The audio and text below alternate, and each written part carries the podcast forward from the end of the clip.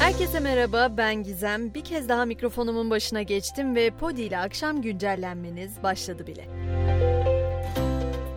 Kahramanmaraş merkezli depremlerin 17. günündeyiz. 42 binin üzerinde can alan depremlerde 100 Türk Silahlı Kuvvetleri mensubunun da yaşamını yitirdiği açıklandı. Milli Savunma Bakanı Akar, iki silah arkadaşımıza ise henüz ulaşamadık dedi. Afet bölgesinde bu aralar en çok konuşulan konu belki de çadır meselesi. Hala sıkıntılar yaşandığı dile getiriliyor. Bölgeye giden muhalefet liderlerinden de benzer açıklamalar geliyor. Ancak Ulaştırma Bakanı Kara İsmailoğlu yarın itibarıyla çadırlarda yaşayanları konteyner kentlere taşıyacaklarını duyurdu. Depremlerden bu yana 400 bin göç alan Mersin ise alarma geçmiş durumda. 47 kurum ve kuruluşla STK depremlerin ardından yaşanan zorunlu göçün sosyal afet haline dönüştüğünü belirtti. Yapılan açıklamada iki hafta gibi kısa bir süre içinde Mersin'in nüfusunun %40'a yakın arttığı, bu nedenle özel bir destek ya da statü kapsamına alınması gerektiği, merkezi bütçeden Mersin'e nüfusuyla orantılı olarak kaynak aktarılması gerektiği belirtildi.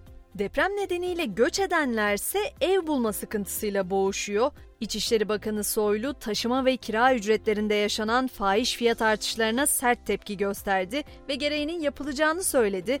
Konya'da da evlerini fahiş fiyatla kiraya verenlere 100 bin liraya kadar ceza kesileceği açıklandı.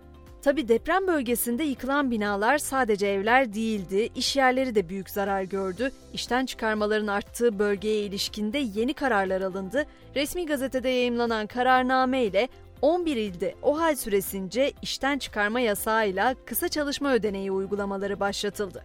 Eğitim başlığında ise ertelenen sınavlara YÖK dilde eklendi. Daha önce tarihi 12 Mart olarak duyurulan Yükseköğretim Kurumları Yabancı Dil Sınavı yani YÖK Dil 26 Mart'ta yapılacak. Sınav için 24-27 Şubat tarihleri arasında da geç başvurular alınacak. Rütük ise deprem yayınları ile ilgili Tele1, Halk TV ve Fox TV'ye ceza yağdırdı. Fox TV ve Halk TV özgürce kanaat oluşumunu engellemekten %3'er para cezası, Tele1 ise %5 para cezası ve 5 kez program durdurma cezası aldı.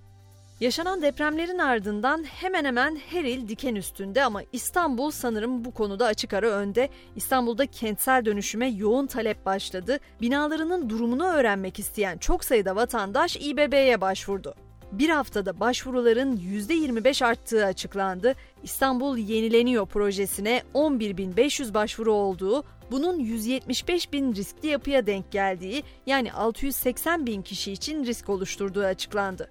Deprem felaketinin ardından Meksika'dan gelen arama kurtarma ekibiyle Adıyaman'da görev yaparken ölen Proteo adlı köpeği de mutlaka hatırlayacaksınızdır. İşte o köpeğin heykeli İstanbul Sarıyer'deki bir parka dikilecek. Proteo'nun adı aynı zamanda Kocaeli'de de yaşayacak. Kahraman köpeğin adı bir sokak hayvanları merkezine verildi. Hazır masum dostlarımızdan söz etmişken Kahramanmaraş'ta enkazdan kurtarılan 400 kadar kedi ve köpeğin tedavi edildiklerini de duyurmuş olayım. Deprem başlığı ile ilgili son olaraksa yargı cephesine değineceğim elbette. Depremlerden etkilenen illerde yıkılan ya da imara aykırı değişiklik tespit edilen binalarla ilgili soruşturmalarda tutuklananların sayısı 160'a yükseldi. Ayrıca Mardin'de tam bağımsız avukatlar grubu üyesi avukatlar ihmalleri olduğu gerekçesiyle 10 il ve 41 ilçenin mevcut ve geçmiş 134 belediye başkanı hakkında suç duyurusunda bulundu. Deprem gündemini böyle özetlemiş olalım ve hemen gündemin öne çıkan birkaç haberine daha göz atalım istiyorum. Bilgi Teknolojileri ve İletişim Kurumu dün akşam ekşi sözlüğe erişim engeli getirdi. BTK'nın kararı sosyal medyada tepki çekti. Ekşi sözlüğün CEO'su ise kendilerine henüz bir açıklama yapılmadığını dile getirdi. Avrupa Birliği İltica Ajansı ise 2022 yılı verilerini paylaştı. Türkiye, Suriye ve Afganistan'ın ardından listede 3. sırada yer aldı.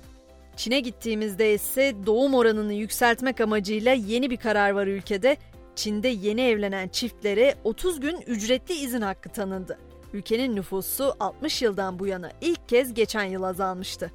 Son durağımız ise İtalya olacak. Dünyanın en büyük kahve zinciri Starbucks, İtalya'da zeytinyağlı içecekler satmaya başlayacağını duyurdu. Starbucks CEO'su zeytinyağının beklenmedik kadifemsi yağlı tadının kahveyi zenginleştirdiğini ifade etti.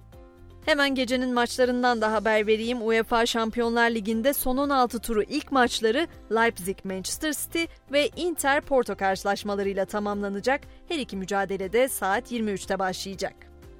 Ve güncelleni noktalarken yaşadığımız bu sancılı süreçte yardımlaşmaya çalışıyoruz hepimiz ama aklımızın bir köşesinde bulunmasının önemli olduğunu düşündüğüm bir İbn Sina sözüne yer vermek istiyorum.